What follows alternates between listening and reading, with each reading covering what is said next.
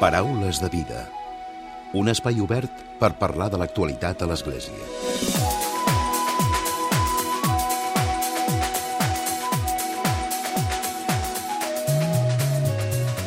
Què tal? Salutacions i molt bon dia, molt bon diumenge.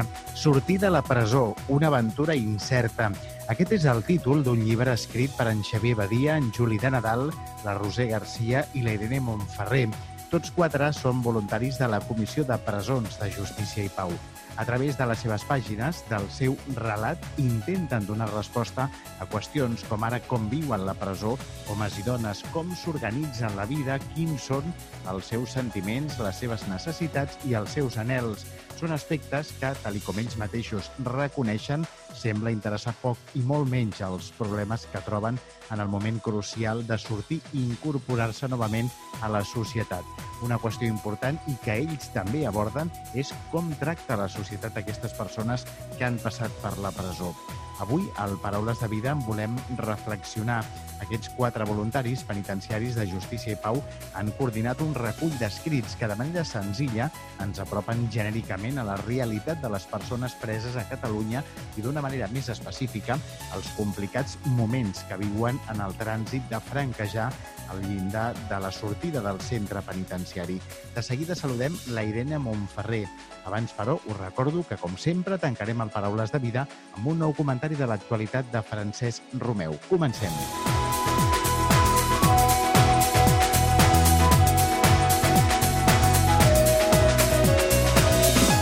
Paraules de vida amb Emili Pacheco.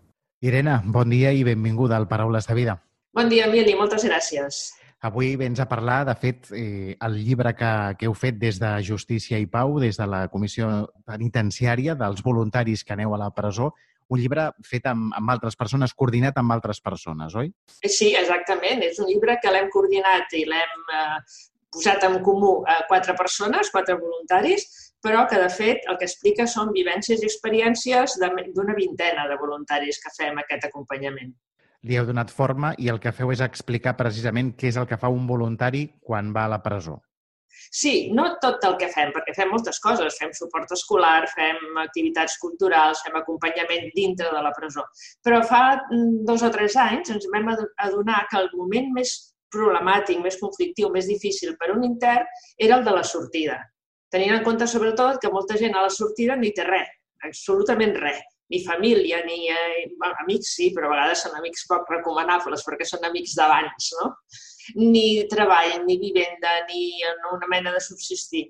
Llavors vam eh, organitzar un programa que es diu Suport, que és sobre el que es basa aquest llibre, que consisteix en acompanyar aquests interns a la sortida en llibertat definitiva.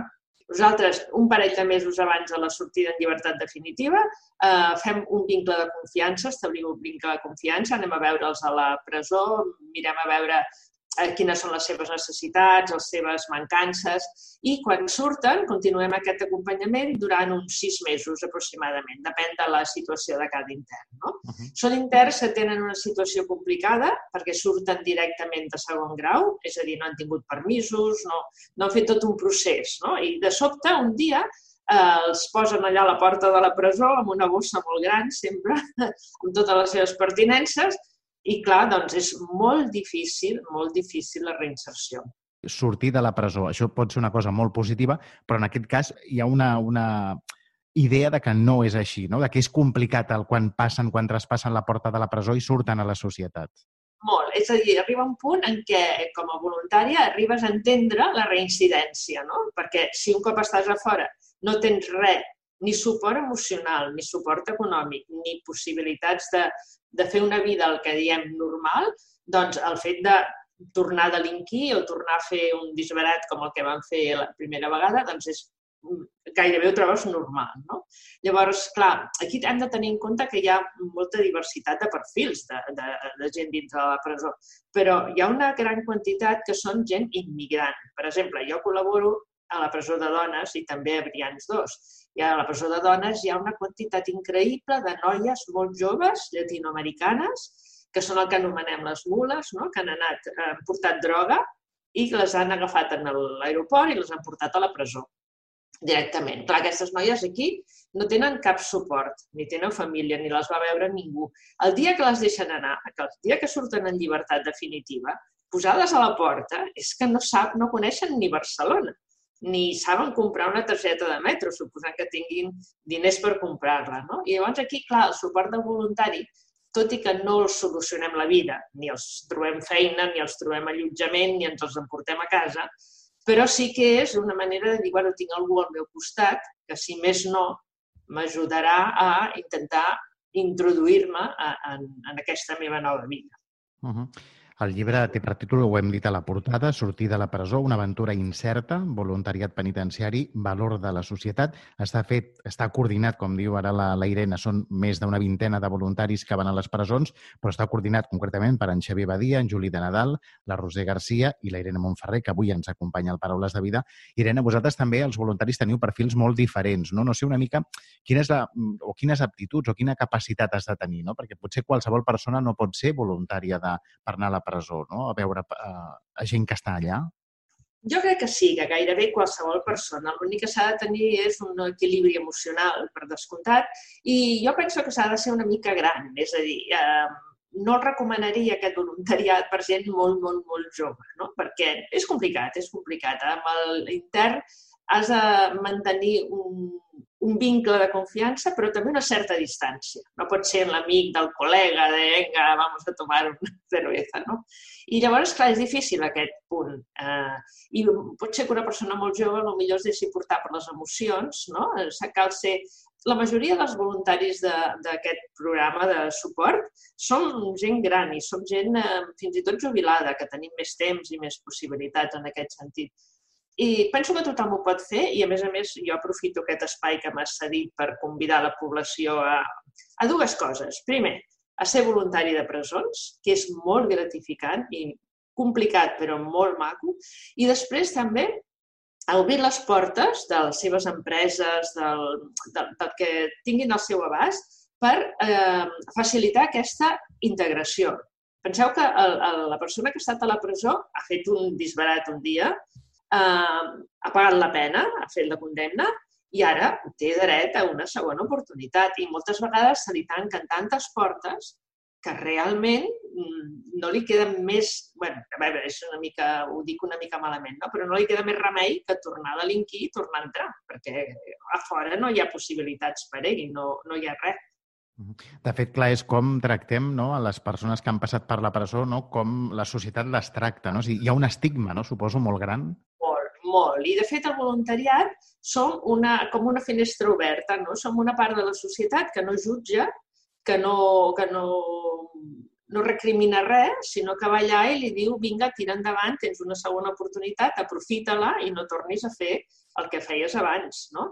I llavors, en aquest sentit, doncs, clar, són molt ben acollits els voluntaris a les presons, tant si fem suport com si fem reforç escolar, com si fem, no? Hi ha la pregunta aquella, però tu vienes aquí sin cobrar. Diu, sí, sí, és que vengo aquí sin cobrar a echar-te una mano, no? És que els, els estranya que no hi hagi un interès econòmic darrere. Exacte, exacte, però tu no eres professional aquí, no eres un assistent social, no, no, no, jo no, no. I això costa, eh? al principi costa realment. Però després, quan entenen, hi ha un agraïment, hi ha un agraïment i fins i tot penso que ens parlen de manera diferent a com parlen amb un assistent social o el psicòleg d'allà dintre o, tots els professionals que estan fent molt bona feina, però que no deixen de ser això, no? uns professionals que intenten ajudar-los. En canvi, nosaltres som una part de la societat que en lloc de jutjar-los, de tancar la porta, de preguntar-los si tenen antecedents penals i no sé què, doncs no, diem, vinga, va, tira endavant, que hi ha una segona oportunitat, que hi ha una vida aquí fora, que, que pots menjar-te el món. I això, bueno, primer el sobte, però després ho agraeixen molt. No ha, per ells, per part d'ells no hi ha reticències, potser de dir no, no vull que ningú m'acompanyi o no, no sé una mica quin és el, en el primer moment, com, com s'ho prenen. No, n'hi ha que no accepten. Eh? De fet, el, a nosaltres el procés que seguim és que el treballador social et presenta un cas que pensa que, que pot necessitar aquest suport perquè fora no té res i llavors se li pregunta a l'intern si vol fer aquest acompanyament. També ens hem trobat amb casos que mentre vas a dintre a establir aquest vincle de confiança perfecte perquè ells no tenen visites i que, que vagi algú un cop a la setmana, doncs fantàstic, però després quan surten retroben els amics d'abans, que jo sempre penso que aquests amics haurien de desaparèixer del mapa, sempre diu, he encontrat un amigo, dic, ui, mare, ja no, no, no anem bé amb aquest amigo. I, I llavors et deixen plantat, vull dir que per ells acaba el programa, deixen el contacte amb tu, eh, que també ens hem trobat. Jo mateixa m'he trobat a la presó d'homes, de, de Brians 2, dos nois joves, que quan van sortir, doncs, bueno, ja no em van necessitar, no? Clar. Perquè, clar, el que els hi donava aquests amics és molt, per ells molt més important que jo. Jo, a part de consells, de companyia i una tarja de T10 i un esmorzar que els hi pagava quan ens trobàvem, no? a part d'això, doncs, clar, no donava res més, evidentment. Uh -huh. I aquests amics, en canvi, doncs, els fan retornar una mica a la vida d'abans. I aquí està el perill, no?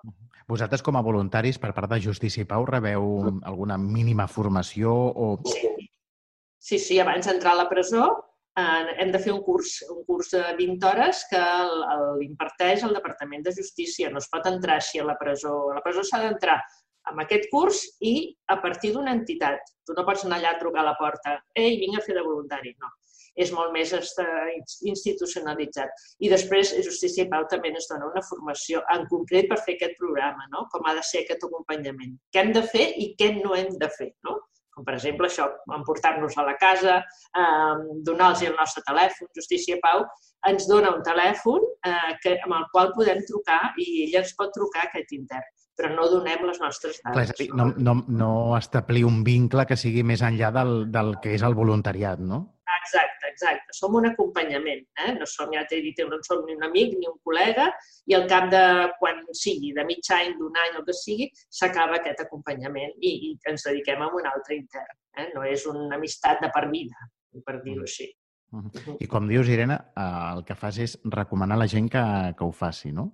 Sí, Potser a partir d'una certa edat, com dius? Sí, jo sí, jo sí. Jo penso que a partir d'una certa edat, que, bueno, que tampoc cal que siguin jubilats ni molt menys, no? però jo, molt de, ens trobem amb molts estudiants de criminologia, per exemple, que tenen moltes ganes d'entrar a la presó i llavors demanen, no? I jo podria fer aquest acompanyament. Mira, jo als 20 anys penso que encara falta una mica de, de maduresa i d'equilibri, no? per no caure en el parany d'abocar-se tant en aquesta relació que acabi ser perjudicial per tu. És a dir, el, el, el voluntari d'alguna manera s'ha de protegir també no? d'aquesta relació, de no deixar-se arrossegar. Però bueno, ja a partir dels 25-30 anys penso que tothom ho pot fer, tothom. No fa falta res més que una mica de bona voluntat i una mica de paciència per atendre aquestes persones. I per altra banda, si tens una empresa, si tens possibilitat de donar-los treball, doncs per un moment deixa de banda que tenen antecedents penals i la meva petició és dona'ls una segona oportunitat. Confia en que aquesta gent es pot, eh, fer, fer, pot fer una reinserció més o menys eh, normal i ajuda'ls a fer-la. De fet, tothom té dret no? a una segona oportunitat, com dius, no? Exacte, exacte. Ja han pagat la condemna. I pensa que dintre la, la presó a mi m'ha sobtat molt que sí que hi ha gent que té, per dir-ho així, un currículum delictiu, no? i que porta anys i entra i surt i torna, però també hi ha molta gent, molt bona gent, molt bona gent, que un dia van fer un disbarat, un dia van creuar aquella línia vermella que hi ha entre la legalitat i la il·legalitat. I que, que ho podríem fer tu i jo també, un dia, que dius, jo què sé, no sé què ha passat. I aquesta gent, doncs, realment allà han fet un procés de reflexió i quan surten doncs són persones amb una bondat i una normalitat completament eh, adequada a, continuar vivint a la societat, a la nostra societat. Abans d'anar a la presó us expliquen una mica la fitxa tècnica, per dir-ho d'alguna manera, de la, de la persona, no? O sigui, per què estan allà, quina edat té, d'on ve... Jo, per exemple, quan vaig a fer suport escolar, que també ho faig amb dues presons, prefereixo no saber eh, quin delicte comès la persona, perquè el que tinc davant és un alumne, per mi. Jo soc professora de, de professió i tinc un alumne que vol aprendre i no m'importa i, i fins i tot prefereixo no saber quin ha sigut el, el delicte. Però, en canvi, quan fem suport, sí que convé conèixer i llavors l'assistent social ens facilita informació, tenim converses amb l'assistent social, veure quines mancances té, quin delicte ha comès, quina és la seva situació personal, pensa que no tenir família o que aquest, o la teva família no et doni un suport, això és tristíssim. Hi ha gent que s'ha passat a la presó 5 o 10 anys sense rebre cap visita de fora. Tornar a sortir al món és complicadíssim. Per això el subtítol és una aventura incerta, perquè tot i que, com tu has dit abans, hauria de ser una cosa bueno, fantàstica i espectacular i ara torno a ser lliure, doncs, uf, no tot és tan maco i tan planer com sembla.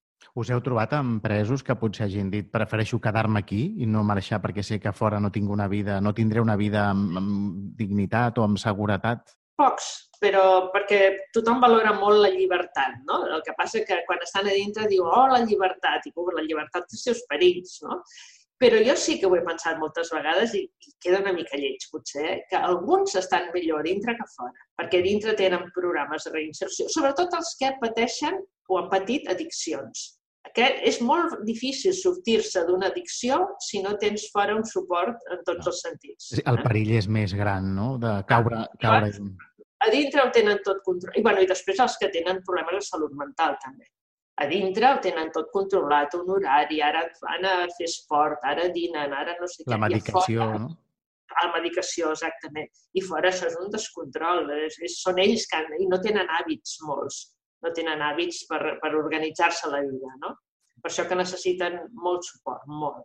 Irene, amb aquest llibre, una mica l'objectiu quin és? És dir, l'objectiu de la vostra tasca és, com dius, acompanyar aquestes persones en el moment en què han de creuar la porta de la presó i sortir novament a la societat perquè tenen un, un futur que potser moltes vegades doncs, és incert i que han d'encarrilar, però el llibre per qui està adreçat una mica? Per, suposo que per conèixer la figura no, vostra del voluntariat a les presons, per una banda, per això, perquè fixa't que el subtítol diu voluntariat penitenciari i valor de la societat, no? per donar a conèixer el que fem, que penso que, que és, és bo saber que, no? que hi ha persones que fem aquesta tasca. Però, per altra banda, pel que et deia abans, per sensibilitzar la societat clar, nosaltres coneixem les presons per les pel·lícules, per alguna novel·la, i no és exactament això, eh? Llavors, jo, per exemple, he canviat molt abans d'anar a la presó. Si se m'hagués assegut al costat algú i m'hagués dit eh, jo he estat a la presó, jo m'hagués apartat una mica, no? perquè hi hagués agafat el bolso, no? Allò... És allò que tenim prejudicis, no? Molt, molt, i en canvi ara he conegut gent fantàstica allà dintre, però gent molt maca, i gent que, que potser no era tan maca quan ha entrat, però que ha sigut capaç de fer un procés de reflexió. Sobretot gent molt jove, que era molt immadura, i allà dintre li ha donat temps, i amb ajuda dels professionals també, naturalment, del psicòleg i tot, li ha donat temps a fer una reflexió i de dir, jo quan surto, ara quan surti, no seré el mateix quan vaig entrar. Per tu era la primera vegada que posaves el peu a la presó fent aquest voluntariat? Jo fa set anys que faig aquest voluntariat. Impressiona, impressiona la primera vegada que, que entres i tot el protocol de la presó? Molt perquè la primera vegada que vaig entrar, vaig entrar a la model. I, clar, aquelles portes que es tanquen i s'obren darrere teu i que quedes allà, jo què sé. A més, la model és una presó molt severa, no? Ara, quan vaig a dones, és diferent, perquè és molt petita i és molt familiar. I quan vaig a Brians 2, que és més moderna, també és diferent. Però tot i així, fins que arribo a dintre el mòdul, passo per... Se'm tanquen i s'obren 10 portes, eh? Vull dir que, déu nhi tens la sensació... Però vaja, em sento molt segura i em sento molt còmoda allà. Ja va passar la, la impressió de la primera vegada. Clar. Mm. I com dius, no? Eh, sobretot eh, recomanar-ho a la gent que avui ens escolti a través de, del Paraules de Vida. Molt, i tant, molt. Feu-ho, sigueu voluntaris de presons. Irene, no sé si amb la Covid com, com està la situació? Ho teniu a l'accés més restringit o com, com ha anat aquests últims mesos de pandèmia?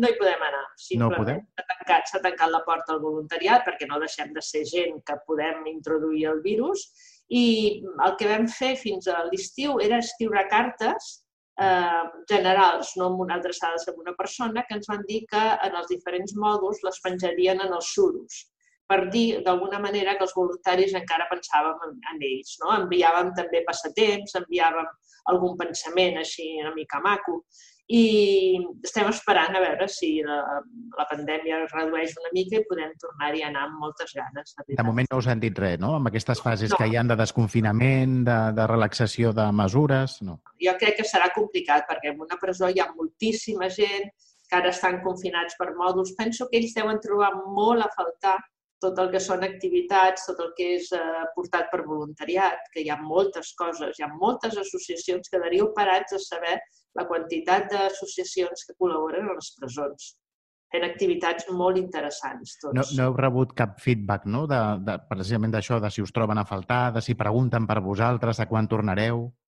No, no, però estic segura que sí. Estic segura que, hi ha, que, que es detecta aquesta mancança, molt. I estic segura que el dia que, que tornem tindrem una, una bona rebuda, segur. Uh -huh. Doncs des del Paraules de Vida el que fem i abans d'acabar és recomanar la, la lectura d'aquest llibre, El sortir de la presó, una aventura incerta, aquest voluntariat penitenciari que és un valor de la, de la nostra societat. És un llibre que està editat, Irene, per Icària, oi? Sí, i tant. Dintre de la col·lecció Mas Madera. Uh -huh. I, per tant, per tota aquella gent que vulgui, com a mínim, endinsar-se o conèixer com és aquest voluntariat, doncs tenen l'oportunitat de fer-ho a través d'aquest llibre que, que avui en parlem. Irene, gràcies per haver-nos acompanyat i que vagi molt bé. Gràcies a vosaltres. A reveure. Paraules de vida amb Emili Pacheco. Directe als valors. Directe a tu. I tot seguit arriba el comentari de l'actualitat de Francesc Romeu. Francesc, molt bon dia. Molt bon dia a tothom. El mes vinent apareixerà un nou llibre del papa Francesc, que es titula Somiem de nou i està escrit pel periodista anglès Austen Average. Aquesta setmana, el diari italià La República n'ha fet ja un avançament d'un capítol en el qual el papa s'identifica amb les víctimes de la Covid-19 i explica tres moments de la seva vida en les que ha viscut situacions semblants, amb la malaltia, a Alemanya i a Còrdoba. Quan vaig desenvolupar una malaltia greu a l'edat de 21 anys, vaig tenir la meva primera experiència de limitació, dolor i soledat, diu el papa. Van canviar les meves coordenades.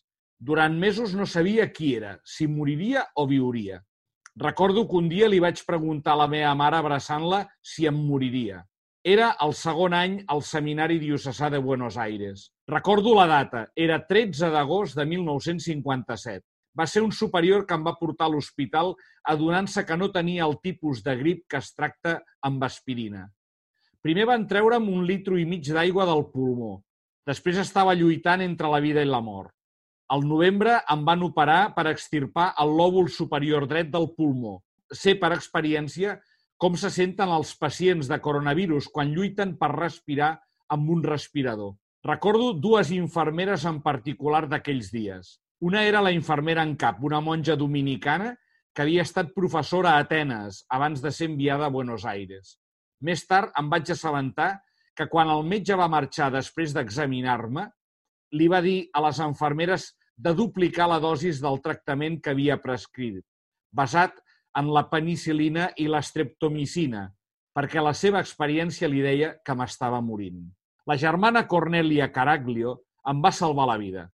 Gràcies al seu contacte regular amb els malalts, ella sabia millor que el metge el que necessitaven els pacients i va tenir el coratge d'utilitzar aquesta experiència.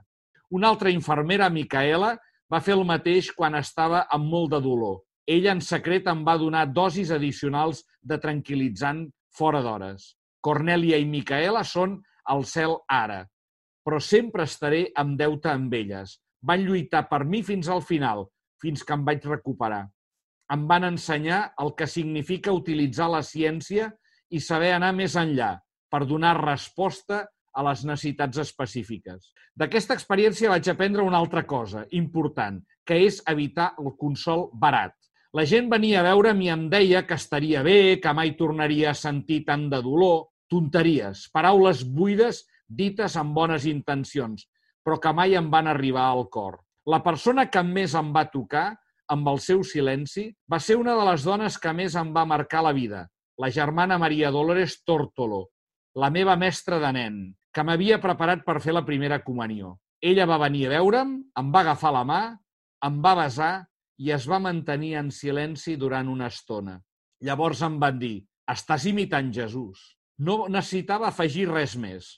La seva presència, el seu silenci, em va donar un profund consol. Després d'aquesta experiència vaig prendre la decisió de parlar el menys possible quan visito malalts. Simplement és agafar la seva mà. La segona experiència podria dir que va ser el període Alemanya. Era la Covid de l'exili. Va ser un exili voluntari perquè vaig anar-hi a estudiar la llengua i a buscar el material per acabar la meva tesi, però em vaig sentir com un peix fora de l'aigua. Tenia nostàlgia de la meva pàtria, de tornar. Et treuen d'on ets i et posen en un lloc que no coneixes, i és quan aprens el que realment importa del lloc que vas deixar enrere. De vegades el desarrelament pot ser una cura o una transformació radical. Per acabar, diu el papa, la meva tercera Covid va ser quan em van enviar a Còrdoba el 1990 a 1992. L'arrel d'aquest període era la meva manera de manar, de donar ordres, primer com a provincial i després com a rector. Certament havia fet alguna cosa bona, però era molt dur. A Còrdoba em van fer un favor i tenien raó. Un any, deu mesos i tretze dies vaig passar en aquella residència de jesuïtes. Vaig celebrar missa, vaig confessar i vaig oferir direcció espiritual.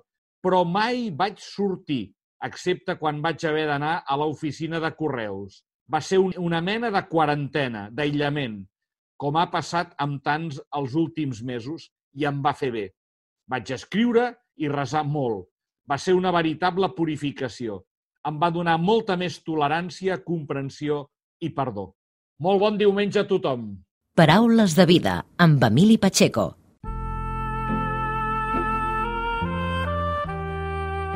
Us oferim la carta dominical de l'arcabisbe de Barcelona, Joan Josep Omella. Déu vos guard. Sempre m'ha semblat curiós que en alguns àmbits, com el judicial o l'acadèmic, s'inauguri l'any en dates que no coincideixen amb l'any natural. Doncs això també passa amb el calendari litúrgic de l'Església. De fet, aquest diumenge, dia 29 de novembre, l'Església Catòlica inicia un nou any litúrgic amb la celebració del primer diumenge d'Advent. L'Església és portadora d'un gran misteri d'amor i salvació i té la missió de difondre'l pel món, però portem aquest tresor en fràgils gerres de terrissa. La gran família de l'Església ofereix a tots els homes i les dones del món un encontre amb Jesucrist. Crist ens revela que Déu és amor i vol fer-nos partícips de la seva vida eterna. Ara bé, no totes les persones creuen que aquest misteri sigui capaç de transformar-nos la vida. Descobrir aquest misteri i ser capaços d'entrar en una relació confiada amb ell no és fàcil. El camí a seguir no és senzill i per fer-lo cal un acompanyament. L'Església, que és mare i mestra, ens ensenya a endissar-nos en el misteri de Déu de diverses maneres. Una proposta molt singular és la lecció divina, que convida a la lectura, meditació i pregària de la paraula de Déu, deixant que l'Esperit Sant ens il·lumini i ens renovi. La Santa Mare Església, mitjançant l'any litúrgic, ens convida a fer aquesta contemplació del misteri de Déu amb un calendari de lectures de la paraula de Déu i de les celebracions que es distribueixen al llarg d'un any. El tret més singular de les celebracions dominicals d'aquest nou any litúrgic que avui encetem és que els passatges de l'Evangeli que seran proclamats correspondran a l'evangelista Sant Marc. Cada evangelista ens apropa al misteri de Déu, revelat en Jesucrist, amb uns trets i unes característiques singulars i pròpies de la comunitat a la qual s'adreçava. Els evangelis ens ajuden a endissar-nos en el misteri de Déu mitjançant el coneixement de Jesucrist, la relació d'amistat amb ell i el seu seguiment. Per tal d'entrar en profunditat en l'Evangeli de Marc, permeteu-me fer-vos tres propostes. Primera, en primer lloc us convido a agafar la Bíblia que teniu a casa vostra i llegir el comentari introductori de l'editor a l'Evangeli segons Sant Marc. En segon lloc, podeu anar llegint al nostre web diocesà els diversos articles de biblistes que durant aquest advent ens ajudaran a endinsar-nos en l'Evangeli de Marc. I finalment, la proposta més agosarada, un cop fet les dues lectures anteriors, us convido que durant el temps d'advent llegiu cada dia en parella, en família o personalment un capítol de l'Evangeli de Marc, de manera que arribareu a les celebracions de Nadal amb tot l'Evangeli llegit. Benvolguts germans i germanes, us desitjo a tots un sant i intens advent que ens prepari de cor per a la celebració del misteri de l'encarnació i naixement de Crist a Betlem. us hem ofert la carta dominical de l'arcabisbe de Barcelona, Joan Josep Omella.